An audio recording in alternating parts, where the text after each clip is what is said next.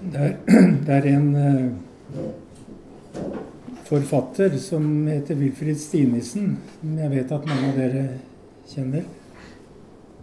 Han var katolsk prest og karmelittmunk. Og blei en eh, åndelig veileder for mange.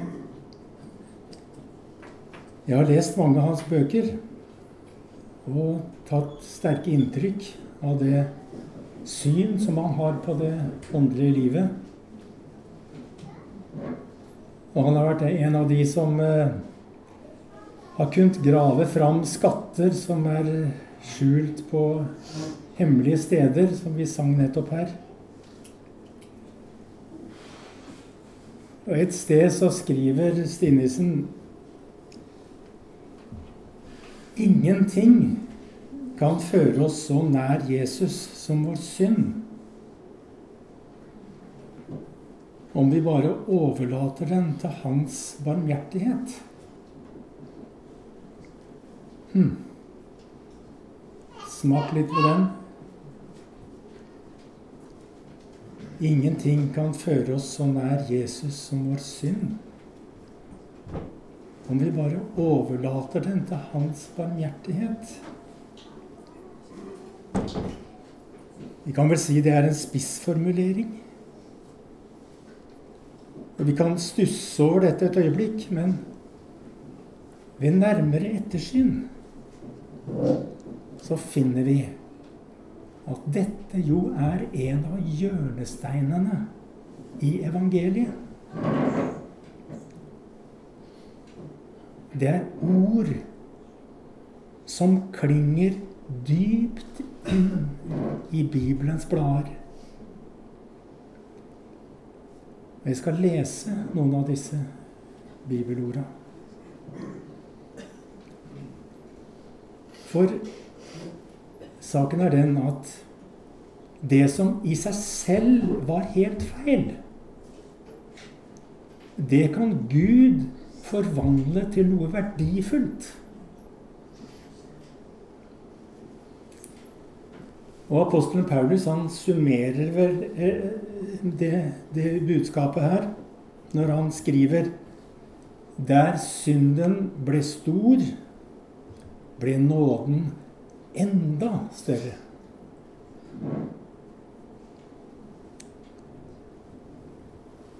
Og i Bibelen så finner vi en klassisk illustrasjon på det temaet eller det budskapet her.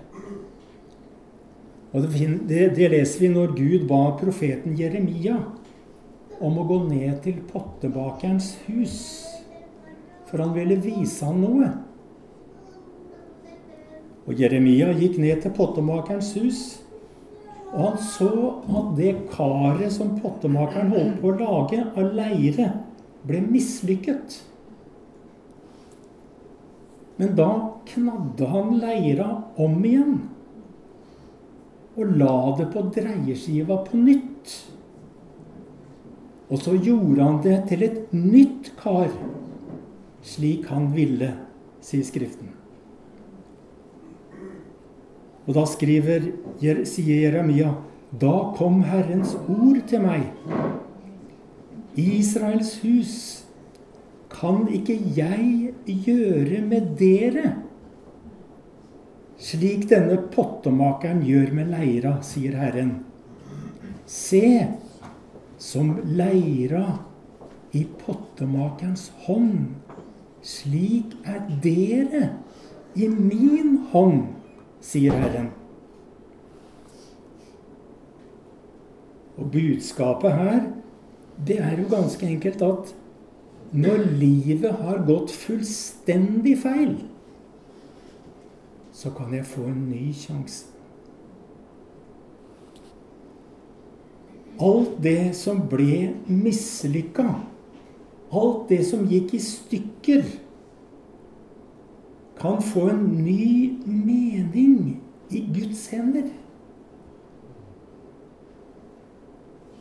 Alt det som var feilgrep, og som ble mislykka i mitt liv, det kan bli knadd om. Og vet du, det kan bli knadd om å bli en ressurs i Guds hender. Det er det som er triumfen i det her. Jeg kan legge min fortid i Guds hender. Alt det som ble mislykka.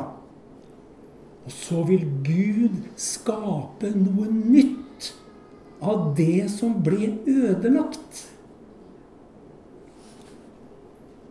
Hør hva profeten Jesaja sier. Tenk ikke på det som har vært. Glem det som hendte før. Nå gjør jeg noe nytt. Det spirer allerede fram. Ja, sier Herren, jeg vil lage vei i ørkenen. Og jeg vil la elver strømme fram i ødemarken. Og hør også på det her merkelige ordet fra Jeremia, eller fra Jesaja, fra det 63. kapittel, hvor det står Han, altså Gud, tok del i all deres nød. Og hans ansikts engel reddet dem. I sin kjærlighet og i sin medlidenhet befridde han dem, løftet dem opp og bar dem under alle de tider som har gått.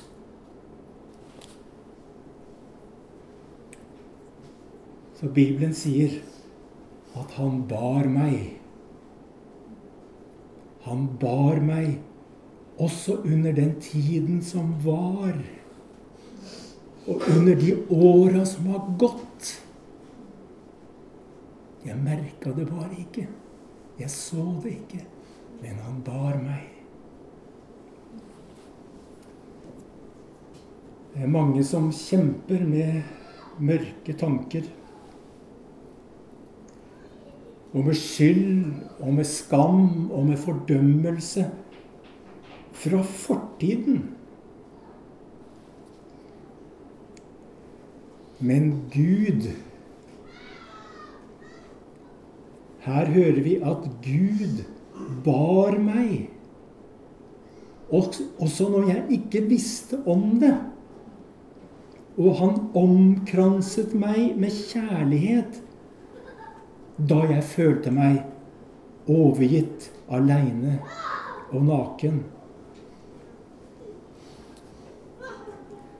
Det er noen som tenker at jeg kanskje ikke var velkommen engang da jeg ble født inn i denne verden. Men hør hva Bibelen sier. Før jeg formet deg i mors liv, kjente jeg deg.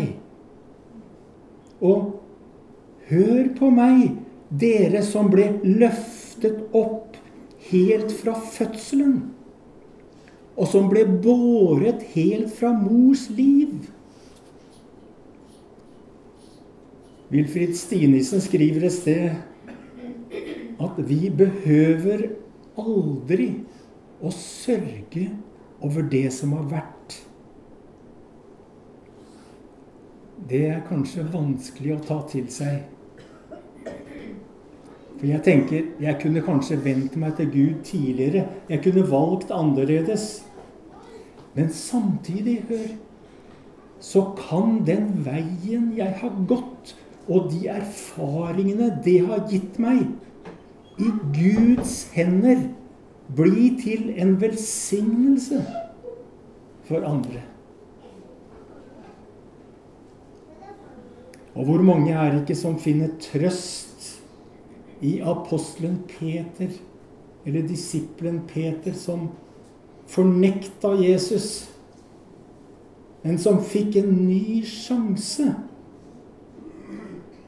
Og da Peter fikk denne nye sjansen, så var han faktisk bedre kvalifisert da Jesus ga ham oppdraget 'Fø mine lam'. Og hvor mange er det ikke som har funnet trøst i Augustin, som levde på 300-400-tallet, og som i sin ungdom hånte den kristne troen? Men som deler den sterkeste synsbekjennelsen i litteraturhistorien. Augustin, han ble en av dem vi kaller for kirkefedrene. og som historiebøkene skriver om. Ja, vi finner trøst i den svake. Vi finner håp i den som har mislykkes, for vi kjenner oss igjen i det. Og det er så mye vi bebreider oss sjøl for. Og det er så mange av fortidens spøkelser som hjemsøker oss. Men hør Gud vil ta disse spøkelsene og bruke dem til å bringe oss nærmere Jesus. Til og med apostelen Paulus så på seg sjøl som en av de største av alle syndere. Men ingen har hatt større innflytelse på utbredelsen av evangeliet enn han. Dette er hva han sier om seg sjøl. Apostelen Paulus skriver dette er et troverdig ord og vel verd å ta imot at Kristus Jesus kom til verden for å frelse syndere. Og blant dem er jeg den største. Men når jeg fikk nåde, var det for at Kristus Jesus skulle vise hele sin tålmodighet på meg. Som den første til et forbilde for dem som senere skulle komme til tro på ham og få evig liv. Gud har en ufattelig evne til å bruke det ubrukelige og til å lykkes med det mislykkede.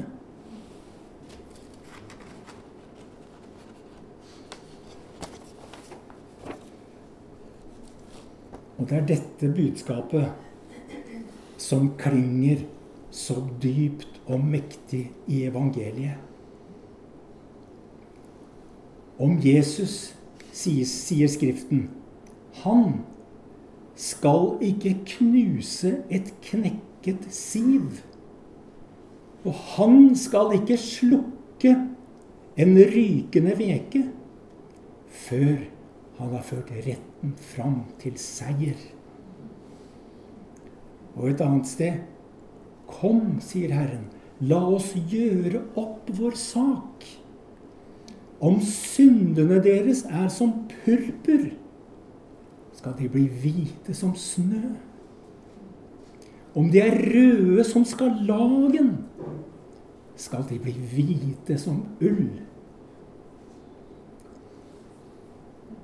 Og hør hva Jesus sier. Det er ikke de friske som trenger lege, men de syke. Jeg er ikke kommet for å kalle rettferdige, men for å kalle syndere. Synd det kan defineres på mange måter. En enkel måte å forklare det på er at synd er å ignorere Guds utstrakte hand. Synd er å vende Gud ryggen. Det er å avvise Guds nåde. Så å vende om er da å snu meg med ansiktet mot Gud. Det er ikke noe mystisk eller overnaturlig med det. Å vende om er å ta imot Guds utdrakte hand, og det er å akseptere Guds nåde. Og min synd er en kontaktflate mot Gud. For Bibelen sier Dersom vi bekjenner våre synder, er Han trofast og rettferdig, så Han tilgir oss syndene og renser oss fra all urett. Når jeg tar imot Guds utstrakte hand, da er det ikke jeg som holder Han, men det er Han som holder meg. Og det er et grep som holder. Vær ikke redd, sier Skriften. Vær ikke redd. Jeg har løst deg ut, og jeg har kalt deg ved navn. Du er min. Går du gjennom vann, er jeg med deg. Gjennom elver skal det ikke flomme over deg. Går du gjennom ild, skal du ikke svi deg, og flammen skal ikke brenne deg, for jeg er Herren din Gud. Jeg tenkte at vi kunne satt en overskrift over dette her. Skal vi danse?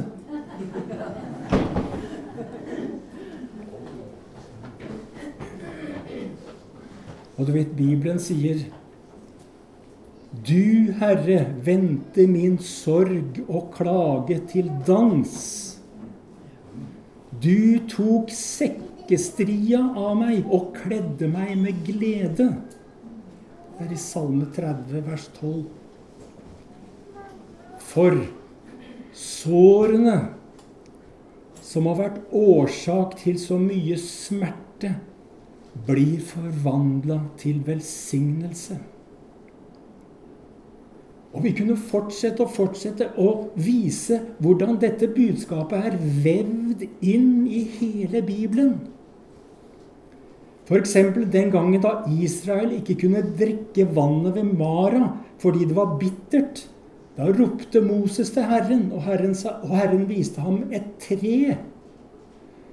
Og da Moses kastet det treet i vannet, så ble vannet godt.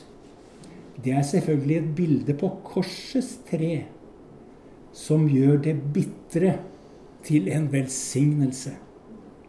Eller La oss ta den tragiske hendelsen i Josefs liv da han ble solgt av sine brødre. Denne tragiske hendelsen i Josefs liv ble til Guds største nåde. Og når han møter brødrene sine igjen, så sier han, 'Gud sendte meg i forveien for dere', sier Josef til sine brødre, som var kommet til Egypt for å kjøpe korn.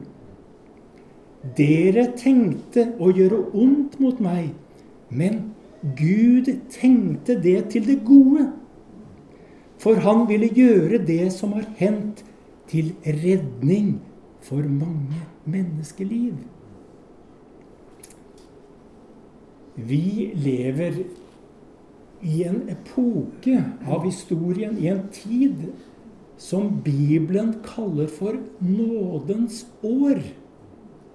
Vi lever der, vi. Og det er et år som Jesus introduserte når han første gang sto fram i synagogen i Nasaret, hvor han vokste opp. Og på sabbaten gikk inn i synagogen slik han pleide. Og Bibelen sier da han reiste seg for å lese, rakte de Jesus profeten Jesajas bok og han åpnet bokrullen og fant et sted der det står skrevet Herrens ånd er over meg, for han har salvet meg til å forkynne et godt budskap for fattige. Han har sendt meg for å rope ut at fanger skal få frihet, og blinde få syn igjen, og for å sette undertrykte fri og rope ut et nådens år fra Herren. Så rulla han bokrullen sammen, rakte den til synagogetjeneren og satte seg. Alle i synagogen stirret spent på Jesus, og han sa, I dag er dette skriftordet blitt oppfylt mens dere hørte på. Og vi, folkens, vi lever i den epoken som Jesus introduserte som nådens år. Og nådens år det har sin bakgrunn i jødenes gamle lover, som sier at hvert femtiende år skal være et nådens år. Og da skal all gjeld slettes. Alle slaver settes fri, og all pantsatt slektsjord skal gis tilbake. Det er nådens år. Det kalles også jubelåret. Og jubelåret hadde en hensikt, nemlig at det ga anledning til å starte på nytt. Det ga en ny sjanse. Det var det som var poenget med jubelåret. Det er en mulighet til en ny start med blanke ark. Og vi lever i dette året. Hele avsnittet gjengir simpelthen hensikten med at Jesus kom. Han kom for å innlede en ny tid, og den nye tiden kalles nådens år. I en tid hvor de som lever i åndelig fattigdom, de som er bundet, forblindet, knust og undertrykt, skal få frihet. De skal få nåde istedenfor krav. De skal få en ny sjanse til å leve. Til slutt så vil jeg lese et uh, dikt uh, som er skrevet av en som heter Bente Brattlund. Faktisk har skrevet mange bøker. Det er skrevet på nynorsk, så det blir litt eh, klønete, kanskje. Men diktet heter 'Dans, dotter mi'.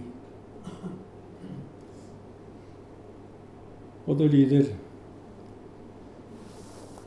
Ta på dei raude danseskoa, dotter mi, og dans. La ingen få knebla din sang eller hemma din draum. Dans, dotter mi, dans. Grip dagen og fyll han med din styrke. Vakker er du. Slå vakt om grensene dine. Men vent ikke på å bli valgt av livet. Velg sjøl.